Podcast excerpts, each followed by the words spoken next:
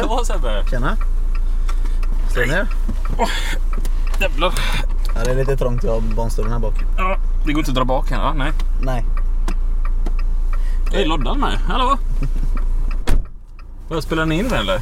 Ja, vi spelar redan in. Ja, vad härligt. Ja. Jag tänkte vi börjar lite med att spela in så här. Ska bara sätta på mig ett bälte här tror jag. Big fucking deal. What the fuck are we doing out here? I ask you, what in the fuck are we doing here? So what's the big fucking deal? What the fuck are we doing out here? I ask you, what in the fuck are we doing here?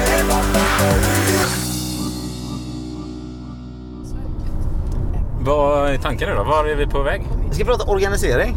Ja. Ja, jag tänkte vi skulle åka runt här i våran eh, fina stad och eh, Och vi ska göra två besök. Det är dit vi är på väg först och främst. Vi ska först till Kristin. Vem är Kristin då? Hon eh, är sektionsordförande på Sahlgrenska Östra sjukhuset. Ja, ja, ja. Och ordförande för LO i Västsverige va? Ja, precis. Vi ska prata lite hur det är att organisera sig inom Kommunal. Ja. Sen eh, ska vi vidare till Trollhättan. Ja. Träffa Pablo Paolo. Ja. från Byggnads. Tanken är ju att vi kör ett tvådelat avsnitt om organisering nu. Alltså lite lätt så för att diskutera lite vad, vad man kan tänka på, vad som är de vanligaste grejerna som ofta sker när man pratar organisering. Alltså varför folk inte vill gå med och de vanligaste anledningarna till detta. Och lite hur organisationerna ser ut. Man ska Och hur lite, vi ska organisera oss på bästa sätt och varför. Liksom. Ja. så hur man går tillväga om man vill engagera sig. Kan inte du svänga höger här då? Jag har ett ställe jag tänkte vi ska titta på. Ja, men perfekt. Ner här. Ja.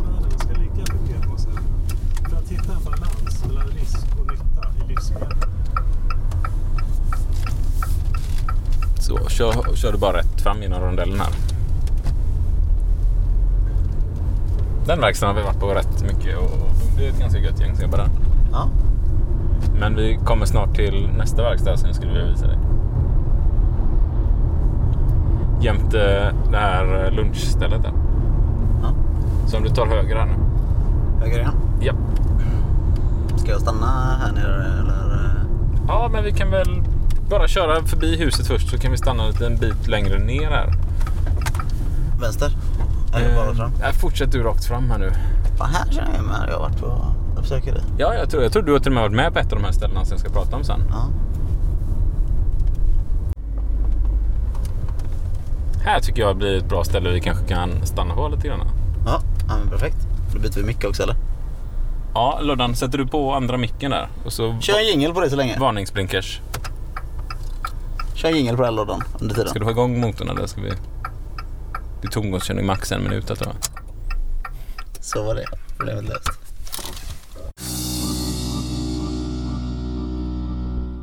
Snyggt parkerat. Jag tycker vi står riktigt bra. Ja, jag klarade ju körkortet. Du har ställt dig lite i skuggan med. Ja, Det är ganska varmt ute. det är väldigt varmt ute. Kan du se hur varmt det är? Jag får starta bilen och kolla hur varmt det är. Ja. Det är för närvarande. Vi väntar. Nu känner jag igen min egen bil lite mer när alla de här lamporna lyser. Nu slocknar de ja. Ja, 19 grader ute. 19 grader. Mm. Det är sommaren börjar komma. Det är som man säger, sola skiner alltid i Göteborg. Ja, precis. Det är ju därifrån det kommer. Sommarstad i Göteborg. Organisering. Organisering. Mm. Jag har ju bett dig titta på de här två eh, bilverkstäderna nu som jag åkte förbi. Mm. För jag har en liten historia kring dem. Shoot. Det är ju ganska viktigt att organisera sig och framförallt är det väldigt, väldigt viktigt att organisera sig även utanför sin arbetsplats. Och det fick vi känna på i motorbranschen och har fått känna på många gånger. Ja, inte så populärt bland kollegorna kanske. Ja, jo, idag är det när de vet vad man gör. Ja. Men eh, det är klart att det, i början var det kanske lite ifrågasättande. Ehm, ja, och kort och gott den här första bilverkstaden vi åkte förbi här. Den blev vi utringda till för, eh, vad kan det vara nu, fem sex år sedan. Och, eh, Var det om allting eller? vad sa du? Var det om allting? Den såg ju väldigt risig ut. Ja, nej, så illa var det inte. Utan faktiskt, det, det, det är ganska, de som jobbar där, de trivs ganska bra. Det kanske ser lite risigt ut, men det är en ganska god stämning och de trivs bra och de har faktiskt spejl på läget. Ja. Och du, ja, som du säger här, det var ingen high class bilverkstad kanske sådär riktigt, utan en ganska liten, eh, ser ganska sjaskigt ut när man tittar ut utifrån. Men de trivs bra som jobbar där och eh, vi var där ute bara några veckor innan de skulle nyanställa två personer och ja, hade lite frågor kring avtal och sådär och allting var galant. Men ja, sen får vi ett samtal om att eh, man måste avsluta de här anställningarna.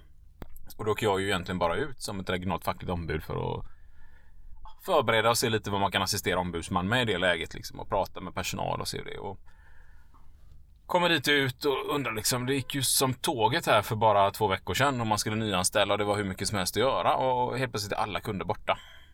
Och det är ju märkligt liksom. Du ser området vid er här att det är, nu är det ganska mycket bilar parkerade här runt Ja, det är verkstaden. ju stort industriområde alltså. Ja, trots coronakris och grejer så ser det ut som att det är ganska fullbokat på de här verkstäderna som ligger här.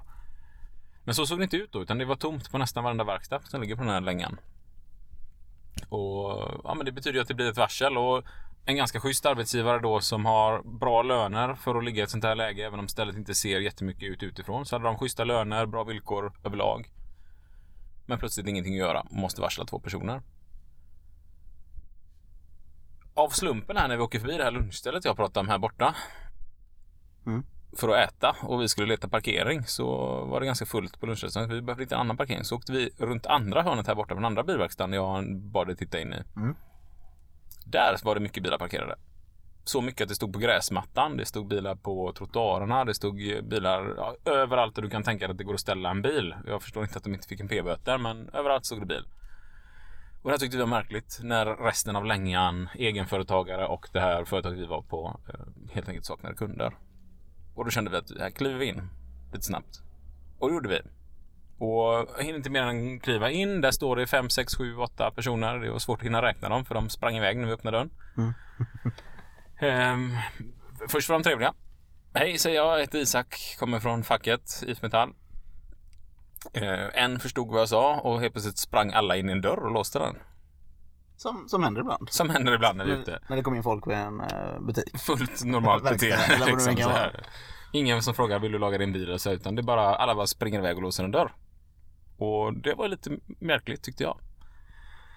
Eh, Men en person kommer fram och pratar lite med mig och sa att ja, allting är bra, bla bla bla bla. De är här på besök bara lite sådär. Och chefen är inte här just nu, man är på väg. Och så tog de upp en mobiltelefon och ringde chefen och så det tar inte mer än fem minuter så hör vi däckskrik utanför och det kommer en herre i en Porsche i full, fullt tjåk eh, och parkerar, springer in jättetrevlig och säger vad kul att ni är här från facket och sådär och vad roligt. eh, Jag har lite kompisar som är på besök här, berättar han då, som ska lära sig yrket lite från ett annat europeiskt land då. Ja, tänkte vi, jätteintressant. Och så frågar jag han, det är väldigt mycket bilar utanför liksom. Har ni mycket att göra? Ja, det är, vi har så mycket att göra så att det är helt sinnessjukt. Jag har aldrig haft så här mycket att göra. Och mycket väl. Och så ser vi en sån här stor reklamskylt. Eh, Service, oljebyte, filterbyte, 599 kronor. Var det här borta eller? Här borta ja. Ja men då kanske vi ska dra en liten vända där istället. ja, precis. Du inser. 599. För den som brukar lämna in bilen på service så vet man att 599 kronor för byte olja och filter. Det är i princip vad man kan betala för en okej olja. Och ett filter. Beroende på vad man har för bil. Lite sådär. Tydligen vad ni säger ni bilmekaniker. Ja, det är vad vi säger i alla fall. eh, nej, men det kan variera. Så att givetvis de kanske köpt in någon fulolja och sådär och fuskade lite med det.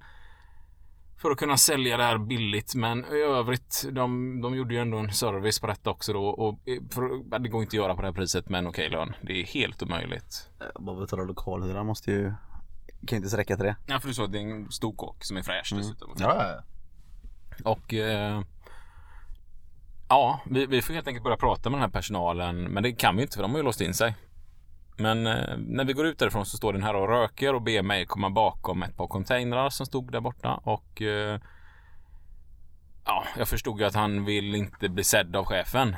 Och han berättade då att samtliga anställda som inte varit medlemmar i facket hade fått eh, kicken för inte så länge sedan. De hade bara fått gå hem över en dag och han hade ersatt eh, chefen, all personal med folk från ett annat europeiskt land helt enkelt. Ett låglöneland kan man ju säga. Mm.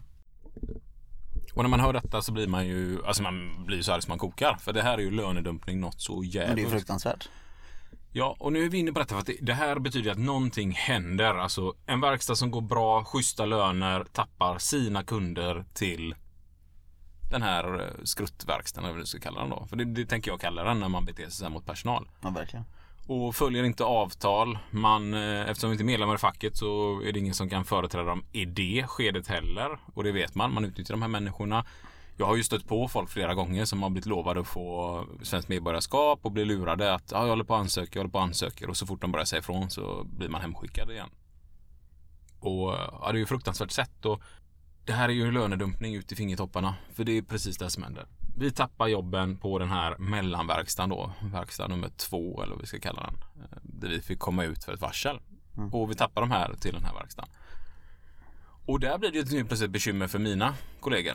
För vi jobbar på en stor, lite mer seriös, auktoriserad verkstad. Vi följer alla krav på miljö och kvalitet, skyddsutrustning, allt det här. Vi har ja, löneledande i branschen i regionen där vi jobbar och det, Det är försöker vi fräscht, vara. fint, bra arbetsmiljö. Absolut, absolut.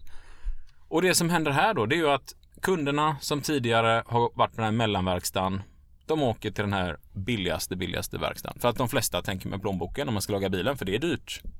Det är, Ja men alltså, det, alla har ju inte samma ekonomiska förutsättningar. Man kan pröjsa 50-6 tusen spänn för en service liksom.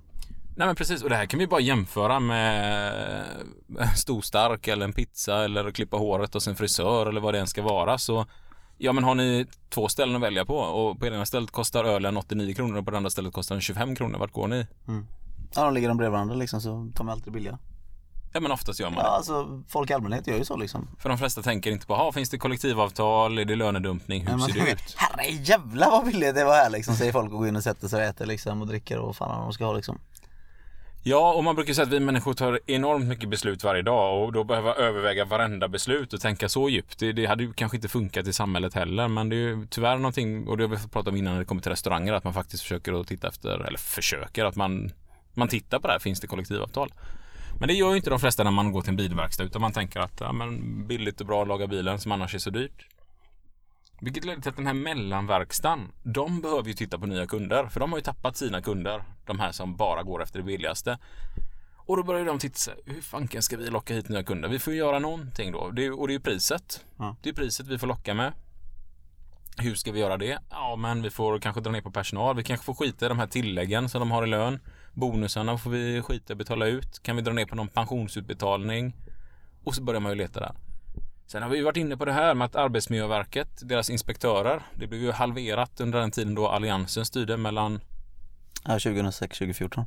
och det har ju lett till att arbetsmiljöinspektörerna är ute och tittar. Så att vi har ju haft ett jättebekymmer med bilverkstäder som struntar i oljeavskiljare, de eh, lackeringar som inte sätter upp filter och renar luften så att det går ut miljöfarliga ämnen och det är ingen som kommer att kontrollera det nu för man har skurit ner så enormt på de här arbetsmiljöinspektörerna. Ja alltså man skiter väl liksom, ja men vi behöver inte skaffa de bästa vassaste lamporna utan det är bara vanliga jävla lysrör exempelvis högt upp i taket. Ja, och vi stöter ju på ställen där personalen har fått ut skyddsskor och arbetskläder och sen när vi åkt därifrån så får de lämna tillbaka det till sin arbetsgivare. Jag vet helt stört. Det, man tror ju knappt sina öron liksom. Och alla de här sakerna, de här förändringarna som har skett politiskt då, där man har blivit- helt enkelt blivit lättare för arbetsgivare att fuska med miljö och skydd och även skatten. De kontrollerna från skattemyndigheterna. När man drar ner på alla de här myndighetskollerna då hamnar ju allt det här på den fackliga organisationen. Och I det här fallet så betyder det att den här mellanverkstaden, ja men de behöver locka de kunderna vi har. Och det kommer ju leda på sikt till att jag och mina kollegor som står på det här schyssta bra stället, vi har förhandlat bra, fram bra avtal. Vi engagerar oss fackligt. Vi har en fackklubb. Vi gör allt vad vi kan förhandla mot våran arbetsgivare. Vi kommer tappa kunder till verkstad nummer två. För de har tappat sina till den här lönedumpningsföretaget. Och då helt plötsligt så hamnar vi i varsel eller hamnar i diskussion om att ja, vi måste sänka eran pensionsbonus, vi måste sänka era pensioner, vi når inte samma resultat, vi tappar kunder. Eh, vad ska ni ställa upp med? Och hade vi bara engagerat oss fackligt på arbetsplatsen, ja, då hade vi varit tvungna här nu att börja att liksom, ja, ska vi låta någon gå eller ska vi sänka lönerna? Vad ska vi ta på?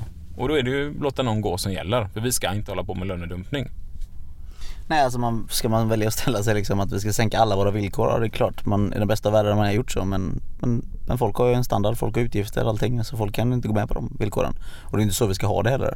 Nej, för det kommer ju bara leda till att de här argumenten blir mer och mer och mer och till slut ska vi alla sänka lönen. Ja, precis. I det här fallet nu då så kan ju vi agera tack vare att vi engagerar oss fackligt. Tack vare att vi har i, där vi jobbar här i Göteborg, en yrkesklubb för bilarbetare. Så har vi ett brett kontaktnät. Vi kan åka ut till de här ställena, Eh, bevaka till följs, prata med personalen, få dem att engagera sig. För att steg ett i det här läget, det är ju att de som jobbar på bilverkstad 2, som nu börjar bli blåsta på OB-tillägg och eh, sina löneförmåner, pensioner. Alltså de måste ju ha koll på kollektivavtalet. För de allra flesta människor som arbetar, de har ju inte ens öppnat sitt kollektivavtal. De vet ju inte ens om man är medlem i facket. Tänker jag, hör av mig om jag får problem. Men man vet inte ens om att man har haft problem eller att man har blivit blåst på saker och ting. Nej, alltså det är vanligaste grejen folk inte vet. Man kan inte sitt avtal. Nej, och det är ju steg ett för oss när vi måste få det bra på vår egen arbetsplats. Men vi måste se till att andra i samma bransch också är engagerade och har koll på sina avtal och villkor så vi inte motverkar den här lönedumpning. Och sen måste vi ut till de här småställena och göra skyddsronder, kontrollera det. Och det är lite det som har hänt under den här tiden då Alliansen styrde. Man drog ner på väldigt mycket av de här myndighetskollen. Så hamnar allt det här på fackförbunden. Och det ledde ju till att jag blev ju tvungen att åka ifrån mina medlemmar som jag brukar företräda till att åka runt och bevaka småföretagen. Och då undrar ju mina medlemmar, precis som du sa här i början. Vad fan är du Isak? Du åker iväg på massa andra ställen. Du skulle vara här och företräda oss och förhandla för oss. Och då gäller det verkligen att man förklarar detta att vi måste engagera oss. Om vi vill ha bra villkor så måste vi se till att vi har en hög standard i hela branschen. Annars kommer vi bli prisdumpade, lönedumpade. För vi är ju inne på den svenska modellen. Vi ska tävla om vad då? Kompetens, kvalitet. Exakt. Det är ju det vi ska tävla om. Vi ska inte tävla om vem kan göra det här jobbet för lägst peng. Vem kan ställa upp och skita skyddsutrustning? Vem kan låta bli att byta ut handskarna när de är slitna eller kör med den här kolfiltermasken lite till trots att den inte renar luften. Använd den några gånger till här. Lyft lite tyngre. Jobba över lite extra varje dag utan att ta betalt. Det är inte det vi ska tävla om. Vi ska tävla om de som har hög kompetens, kunskap, kan utföra ett jobb på ett bra sätt, kan utveckla organisationen så att man får gjort mer på mindre tid. Det är ju det vi ska tävla om. Ja precis. Alltså, men jag bara tänker nu när vi sitter här och bara kollar på andra sidan gatan här liksom. I samma byggnad så har vi ett bageri, en fordonslackering och en godisaffär i samma butik. Ja, Väldigt små dock, det jobbar kanske, det ser inte ut att jobba mer än kanske två, tre personer här. Och då får man ställa sig frågan, hur lätt är det att organisera sig fackligt på de här små arbetsplatserna? Nej, men det är ju bekymret för oss i motorbranschen att de flesta bilverkstäderna är jäkligt små. Vi här i Göteborg, vi är ute, vi, jag ska ju vara ute och besöka 120 företag ungefär. Och ja, säg 80-90 av dem, det jobbar ju inte mer än 2-3 personer på dem. Och då är det svårt att ha en egen fackklubb och gå på kurser och utbilda sig. Utan det, det hamnar ju lite på oss. Och det är det här jag måste göra för mina medlemmars skull för att vi inte ska bli lönedumpade. Och jag, jag tänker så här att vi, vi kan väl börja nu och höra lite med Kristin här på Kommunal. Liksom. Vad jobbar de med för frågor? Eh, hur jobbar de med organisering? Vad behöver de tänka på för sina medlemmar utöver det här vanliga förhandla på arbetsplatsen? Eh, ja, Ja, men alltså det, det är det, speciellt på de här små ställena så är det så oerhört extra viktigt att man är med i facket. Jobbar man här inne en person eller två personer om man inte och så går, om man har kanske en med medlem eller ingen är medlem i facket, ja då, har man det problemet att vem försvarar då kollektivavtalet på arbetsplatsen? ja det hamnar ju knät på exempelvis mig då som åker hit. Ja. Så det är därför det är så viktigt att man har medlemmar. Så har ni liksom polare eller så som jobbar på arbetsplatser utan kollektivavtal, eller er själva eller er fru eller man eller vad det nu än kan vara. Få dem att gå med i facket för i helvete. Eller få deras kompisar, syskon, bror, vem det nu än kan vara att gå med i facket. Det gäller inte bara att tänka på er egen bransch ni jobbar i utan faktiskt rekrytera kompisar att de också går med i facket. För det är så viktigt på speciellt sådana små arbetsplatser att man faktiskt får medlemskapet så att man kan teckna ett avtal. Och om det finns ett avtal att det liksom stärks och försvaras. Och så många ställen man åker ut till där man bara struntar i att betala ut någonting. Och det kan vara det att chefen inte ens har koll på att det ska betalas ut. Men deltidspension är en sån här sak som vi har i vårt avtal. Ja, chefen kanske betalar ut lönerna som den ska, OB-tillägg, övertidsersättning och allting. Men tjänstepensionen betalas ut men inte deltidspensionen. Så när du ska gå i pension så först då märker du att vad konstigt. Jag som har jobbat i samma bransch med samma lön som dig.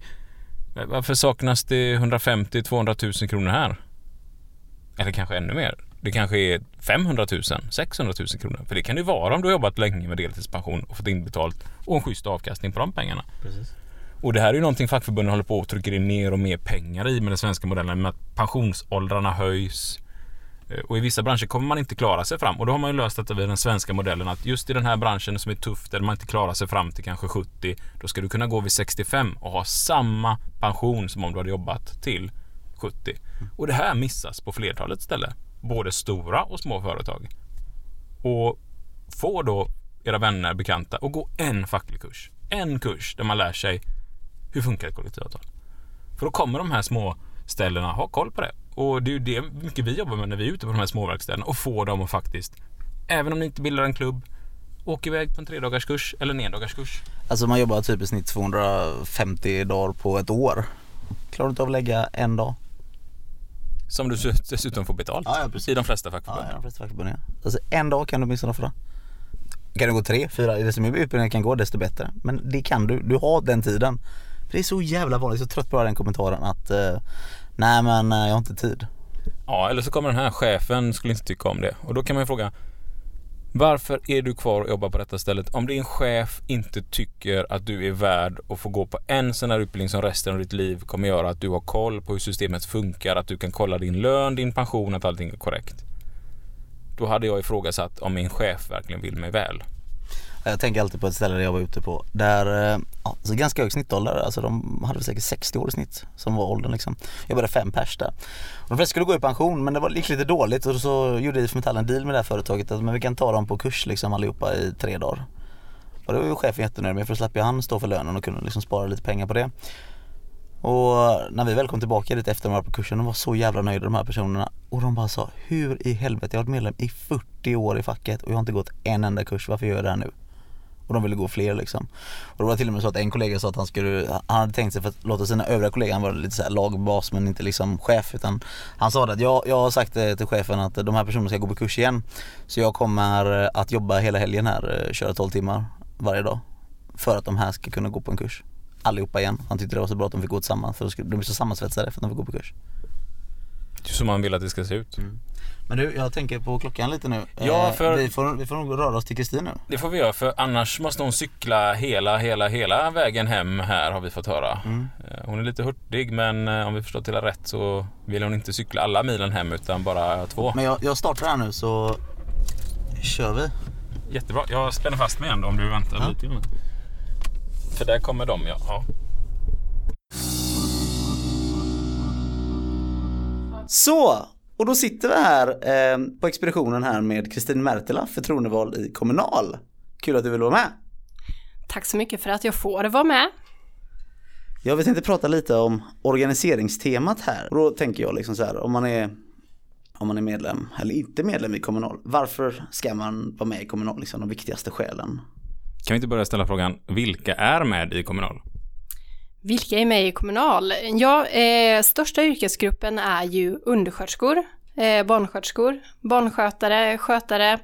Sen har vi också eh, djursjukvård, djurvård, vi har räddningstjänst, vi har gaturenhållning och så vidare och så vidare. Vi har, eh, jag tror, eh, runt 90 yrken i Kommunal som vi organiserar. Bland LO-förbunden troligtvis de som organiserar flest olika typer av yrken skulle vi väl utan tvekan kunna säga va? Ja, det stämmer. Så en stor bredd. Även LOs största förbund också. Ja. Eh, Kommunal har ju eh, lite mer än en halv miljon eh, medlemmar så det är ju LOs eh, absolut största förbund. Vad är de viktigaste frågorna? Varför är det viktigt att vara med just i Kommunal om man är arbetare inom er yrkeskategori? Alltså eh, viktigaste anledningen till att eh, vara organiserad i Kommunal det är ju att vi ska ha en maktbalans eh, egentligen. Att vi ska faktiskt ha en röst som räknas när arbetsgivaren pratar med oss. Ja för nu har det varit ganska mycket här med covid-19 här, eh, liksom eh, att man skiter i visir och munskydd, man köper inte in sånt liksom till personalen. Och där är ju liksom någonting som ni driver, stenhårt har jag läst liksom att det här är inte okej. Jag har ju sett dig på Facebook exempelvis, väldigt drivande liksom att det här ska liksom igenom. Har du några andra exempel på saker som ni har fått igenom nu exempelvis i den här frågan? Ja, eh, ja men det stämmer ju precis som du säger. Jag jobbar ju på Östra sjukhuset och, och vi har ju haft väldigt, eller vi är ju pandemisjukhus på Östra så vi har mycket arbetsmiljöfrågor just nu som vi hanterar från eh, sessionsexpeditionen, eh, liksom Kommunals sessionsexpedition och där eh, hjälper vi ju till, eh, vi hjälper skyddsombuden att att eh, begära eh, 6XA, eh, begära åtgärder från arbetsgivaren. Vi har även stoppat arbetet där våra skyddsombud har ansett att det har varit en fara för liv och hälsa. Ehm, Ja, så, och, och där är det ju väldigt, väldigt skönt för våra skyddsombud att faktiskt ha facken i ryggen och facken som kan hjälpa till att eh, ta fram fakta och ta fram paragrafer och ta fram material åt dem och också stötta dem till 100 procent. Och vi två som kommer från industrin och motorbranschen här, vi, vi sitter ju alltid, och, eller oftast i alla fall, och förhandlar med eh, privata företag som är vinstdrivande och styr över sin egen ekonomi. Hur är det att förhandla mot kommuner eller landsting och liknande? Mm. Där arbetsgivaren kanske inte alla gånger själv kan sätta sin egen budget. Det är eh, jättetufft, är det. Vi, eh, vi har ju fått börja jobba jättemycket mer fackligt-politiskt och även eh, försöka påverka i media för att, för att få bättre villkor helt enkelt. För att eh, det, hur hårda och hur pålästa vi än är i förhandlingar så, så räcker inte det utan vi behöver påverka så mycket mer för att få det vi tycker att vi ska ha. Och det är ju ett av skälen till att vi sitter här med dig idag. För att du är väldigt engagerad och har uppdrag på flera olika håll. Och nu tänker jag lite så här. Den som arbetar i Kommunal, hur är en organisation uppbyggd? Vem kontaktar man? Vi kallar ju det klubbar har vi pratat om flera avsnitt Det är här. Och, så det är vi- misstag liksom. Vi ofta pratar om klubben, kontakta klubben. Men... och så har vi hört lite om sektioner och liknande. Och då tänker jag så här. Hur kom du till det uppdraget du har idag? Vad är det du håller på med idag för att företräda dina medlemmar? Oj, eh, det var många frågor där. Men, eh, men eh, först eh, hur Kommunal är uppbyggt och vem man hör av sig till. Eh, först och främst så hör man ju av sig till sitt arbetsplatsombud och sitt skyddsombud på arbetsplatsen. Eh, har man inget arbetsplatsombud och skyddsombud så hör man av sig till sin sektion. Och sektion kan man säga är ungefär som IF Metalls klubbar. Det är därifrån man brukar sköta förhandlingar och det är liksom ett större område eh, som- man har hand om där det också finns en demokratisk styrelse då. Och hur är oftast sektionen uppbyggd? Är den över en viss typ av bransch eller ett område eller hur? Eller varierar det? Eh, det, det varierar lite grann.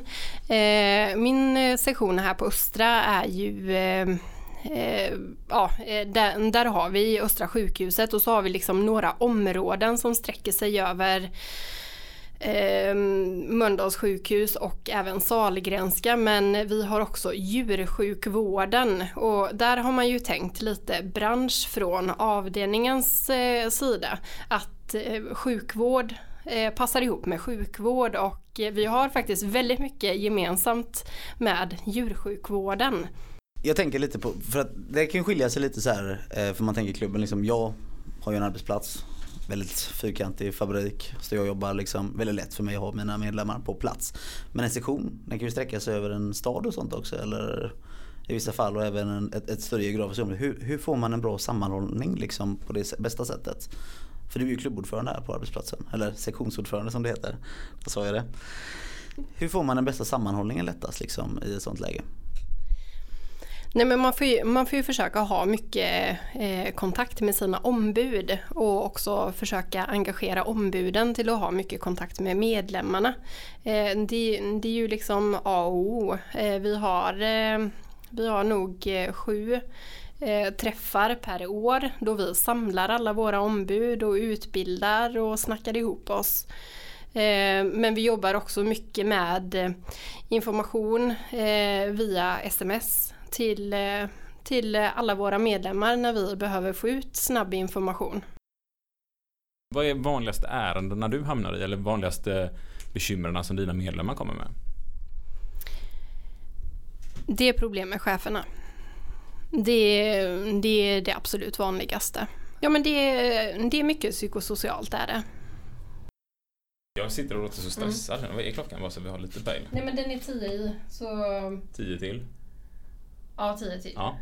10, 12, 13 till. Ja. Det är helt lugnt. Bra. För jag måste cykla till Hisingen och vara där kvart över fyra. All right. Yes. Till Hisingen? Ja men det tar eh, 11 minuter att cykla om jag cyklar snabbt. Det går snabbare än att köra bil. Jo, man cyklar ju igenom där. Ja, just det, det eh, den, eh, Gamlestan och mm. det är ju bara ner här Gamlestan och över. Så står Peter där och hämtar min cykel sen och mig.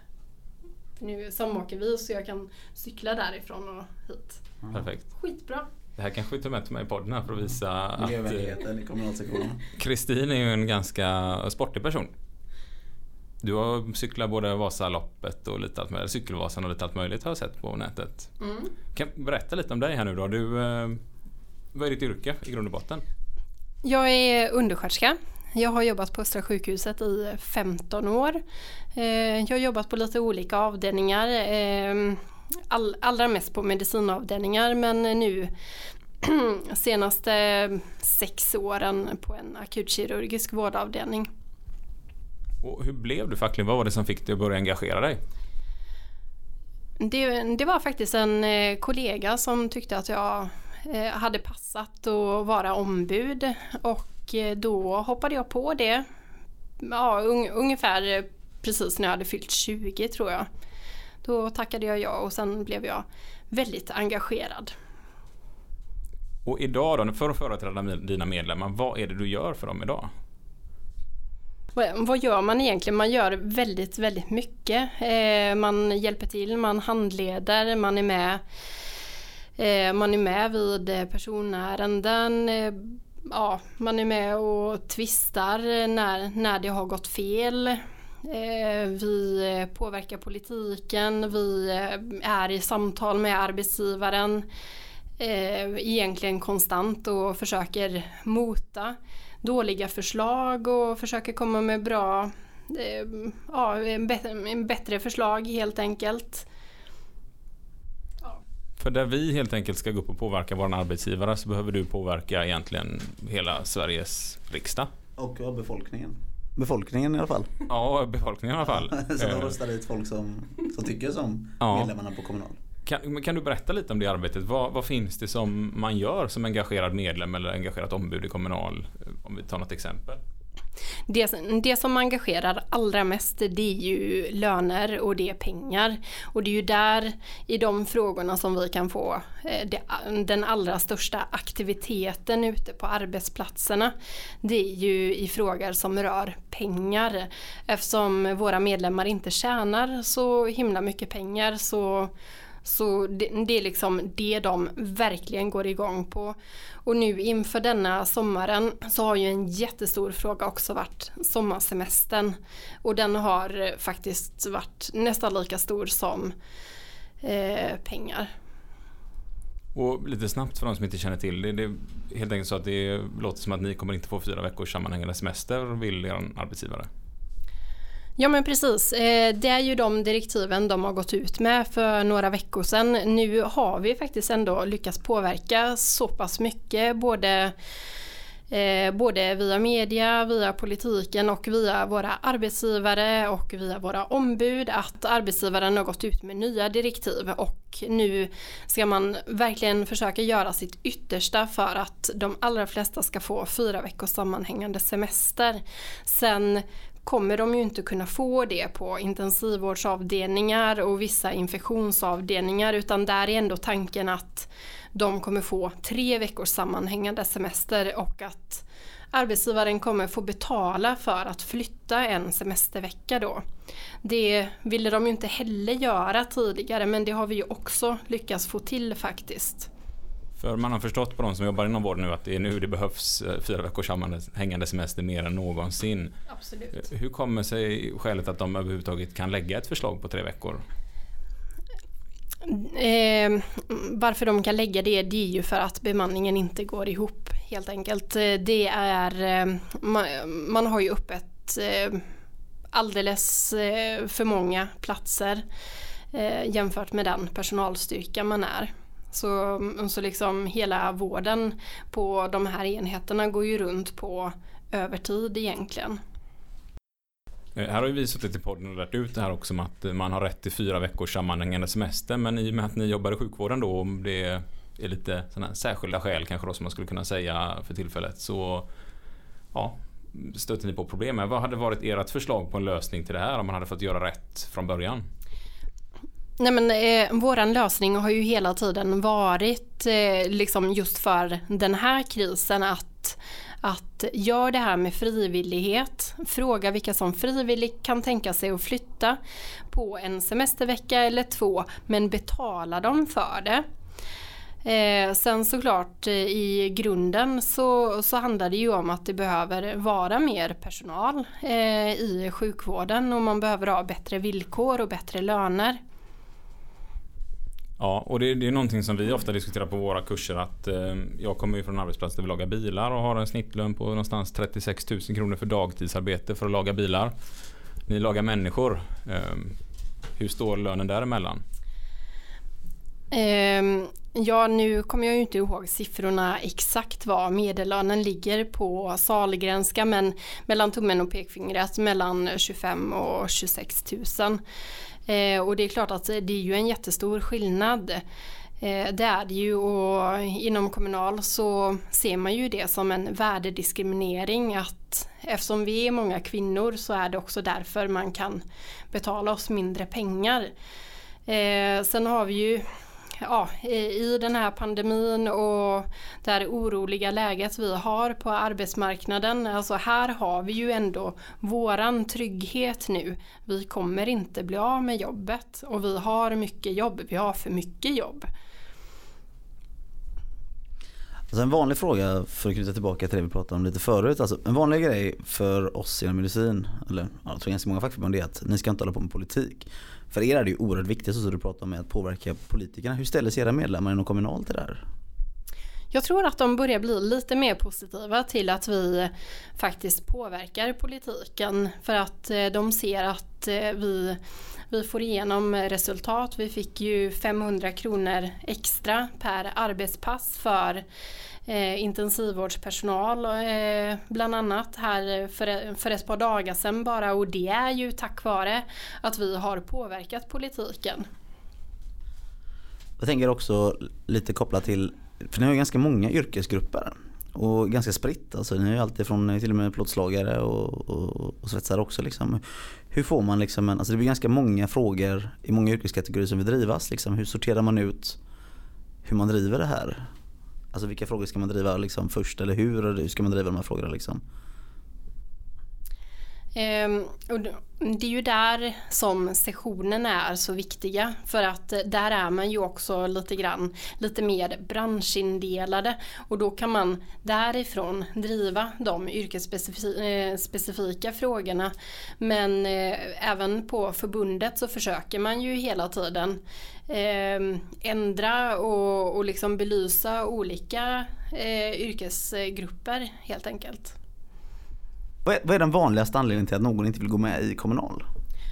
Eh, det är att man upplever att eh, medlemsavgiften är för dyr för att man jämför sig med andra förbund som, som eh, har lägre medlemsavgifter som också inte har lika mycket i sina medlemskap. Jag jobbar nu inom Kommunals avtalsområde och vill börja engagera mig. Hur gör jag då? Hör av dig till din session. Kommer de hjälpa mig då? Jajamän, direkt.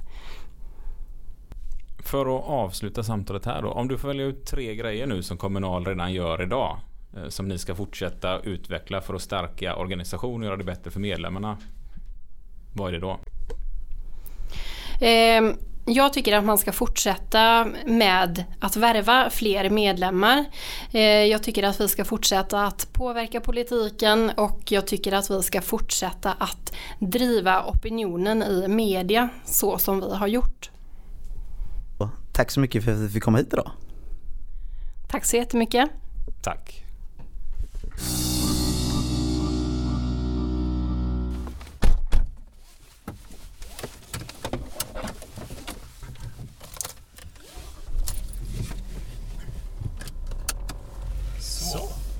Varit hos Kristin. Ja, och nu ska vi mot Trollhättan. Ja. Så ut på 45 -man. Kan du någonting om 45 -man? Nej, inte mycket faktiskt. Jag vet att pengarna tog slut så därför bara sluta vägen och bli en rondell.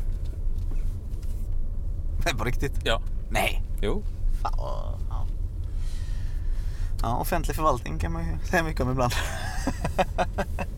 Ja, och det märkte man lite när vi pratade om här nu att jobba inom eh, kommunen, eller landstinget i det här fallet. Ja men precis, alltså samma grej här att eh, för oss då som inom motorbranschen med mycket småställen att det är otroligt viktigt för oss att komma ut och vara ute på de här små ställena med kollektivavtal eller till och med utan kollektivavtal och bevaka dem. Jag, berättar aldrig klart, men det som hände var att vi fick ju ta kontakt med skattemyndigheter och allt möjligt och åka ut till det här företaget. Så det är därför de var nedstängda nu som du säger, att de finns inte kvar. Ja. Eh, Och det stängdes ju ner för att det var ju rejäl lönedumpningsföretag. Det är den här stackars chefen nu. Jävla stora stygga facket. Ja, jag tror att säljer han av sina Porschar så eh, är det nog inget större bekymmer för honom. Men eh, givetvis kommer det vara så att det kommer ut i media att stora stygga facket stängde ner hans verksamhet och hemska skattemyndigheterna som är överkontrollerade lite sådär. Han hjälper ju de här stackars låglönemänniskorna för de tjänar ju mer än sitt hemland. Ja, det visade ju sig att det var ju knappt att de gjorde det. De gjorde ju det, men mellan 5 och 6 000 kronor i månaden hade de. Men det var ju inte bara det, de bodde där också på verkstaden. De hade gratis boende så att de bodde på vinden uppe på det här företaget och eh, fick betalt eh, också internet och telefon så de kunde ringa hem. Och gratis lunch ibland. Ibland. Ibland. Och, men då är vi ju i en marknad här som är fruktansvärt osund. Alltså där det är nästan omöjligt för en seriös arbetsgivare att konkurrera med de här oseriösa. Och det är ju här så många arbetsgivare tycker att vi gör ett fantastiskt jobb i facket och vill ha den här modellen där vi tillsammans bevakar. Och det är därför de flesta arbetsgivarorganisationer ställer krav på att ja, ska du bli medlem i vår arbetsgivarorganisation, då ska du teckna kollektivavtal med det här fackförbundet. Mm. Och det är det jag lite tänker på när vi, när vi liksom var hos Kristin. Liksom, att för oss är det ganska lätt att gå ut och kunna påverka det. För vi kan ringa Skatteverket och sådana saker. Men när man pratar på ett sjukhus. Alltså det är det politikerna som styr hela vården. Ja, och man hör ju nästan alla människor man stöter på klaga på att vården, det är för låga löner i vården och varför kan man inte betala dem bättre? Och det, det kan vi ju, men det gäller ju att det ska komma in skattepengar någonstans i så fall. Och där tycker jag att det är jätteviktigt att man inför ett val, att man går in och tittar på faktiskt eh, ja, hur mycket lägger de här olika partierna i budgeten, i statsbudgeten. Och det är ju jättelätt att se inför ett val och där hör man ju ibland partier gå ut och säga ja, vi vill öka vårdlönerna med flera tusen och så lägger de ett par miljarder mindre till vården. Och då brukar jag undra, ja, om det hade varit ett privat företag nu och man säger vi vill öka lönerna till personalen men vi ska dra ner på intäkterna.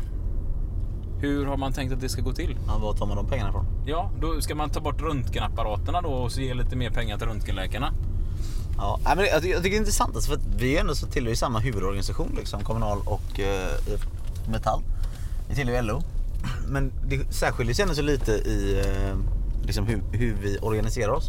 Och det var intressant ändå så att höra liksom hur det ser ut. För det är en annorlunda bransch. Alltså på det sättet. Där, bransch är det självklart men en annorlunda värld än vad vi är vana vid liksom i, i, i, i vår organisation. Hur vi ska liksom påverka och sådana saker.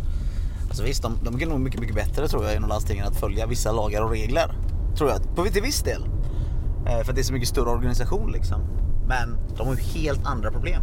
Där lönen exempelvis, som du pratade om. Eh, alltså ni har ju en jävligt hög lön. Men eh, hur är liksom arbetsmiljön? Exempelvis, hur är säkerheten på jobbet? Ja, alltså det, det, allting är ju väldigt jämförbart. Eh, och det är svårt att svara på sådär. Vi jobbar ju jättemycket på det, men om jag talar för mer, lite mer sådär branschen i helhet så överlag väldigt dåligt på många håll.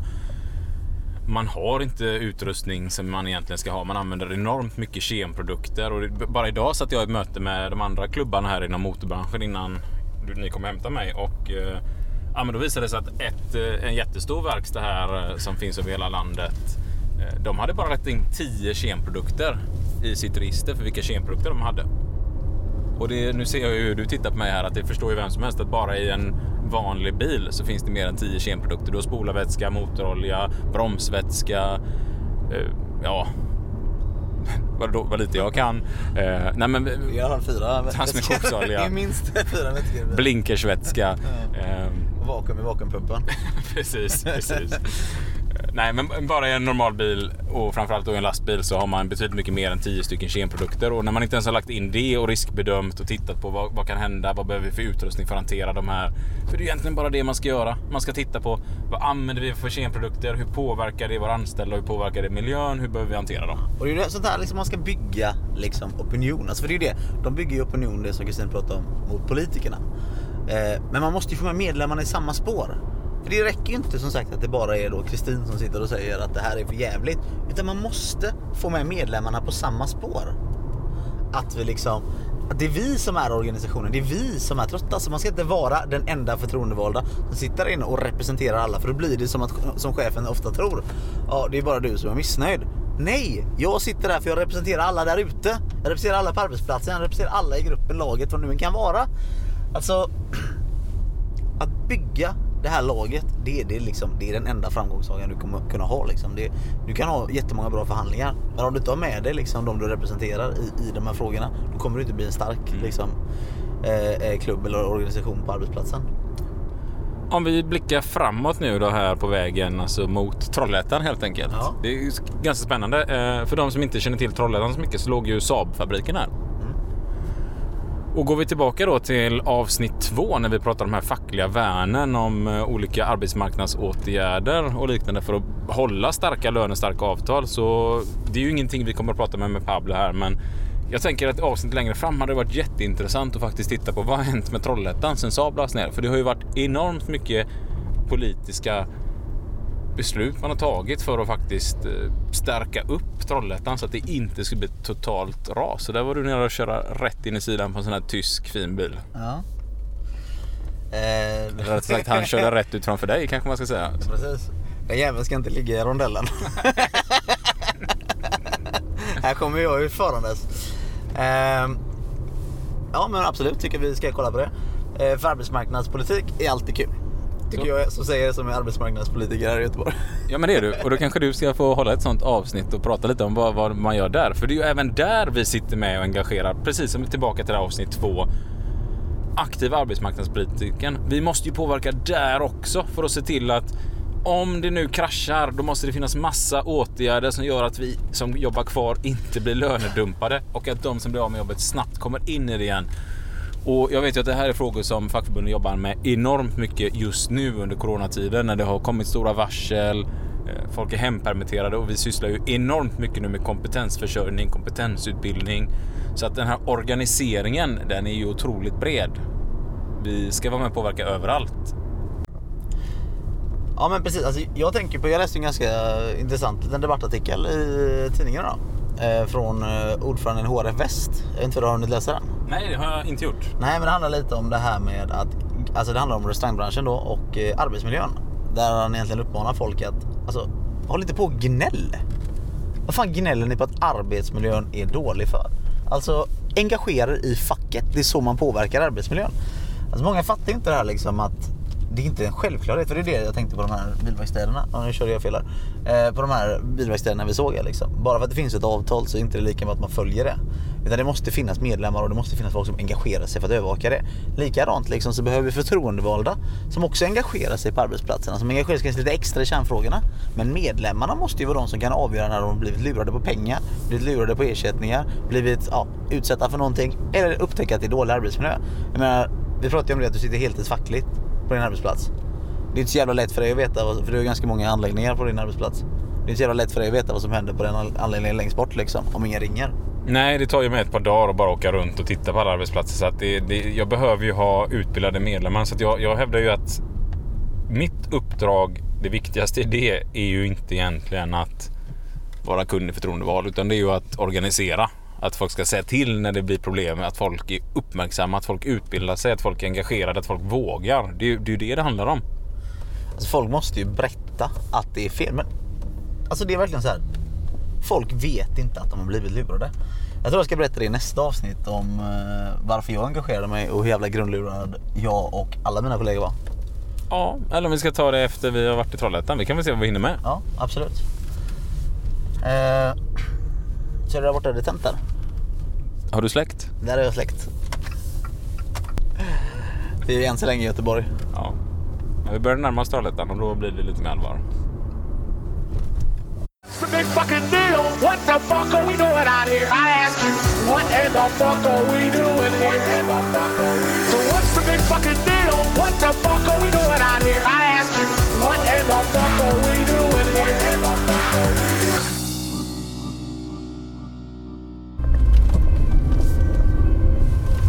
nu de bängen. in. Ja, efter oss eller? een ambulance. Ah. En tar loont.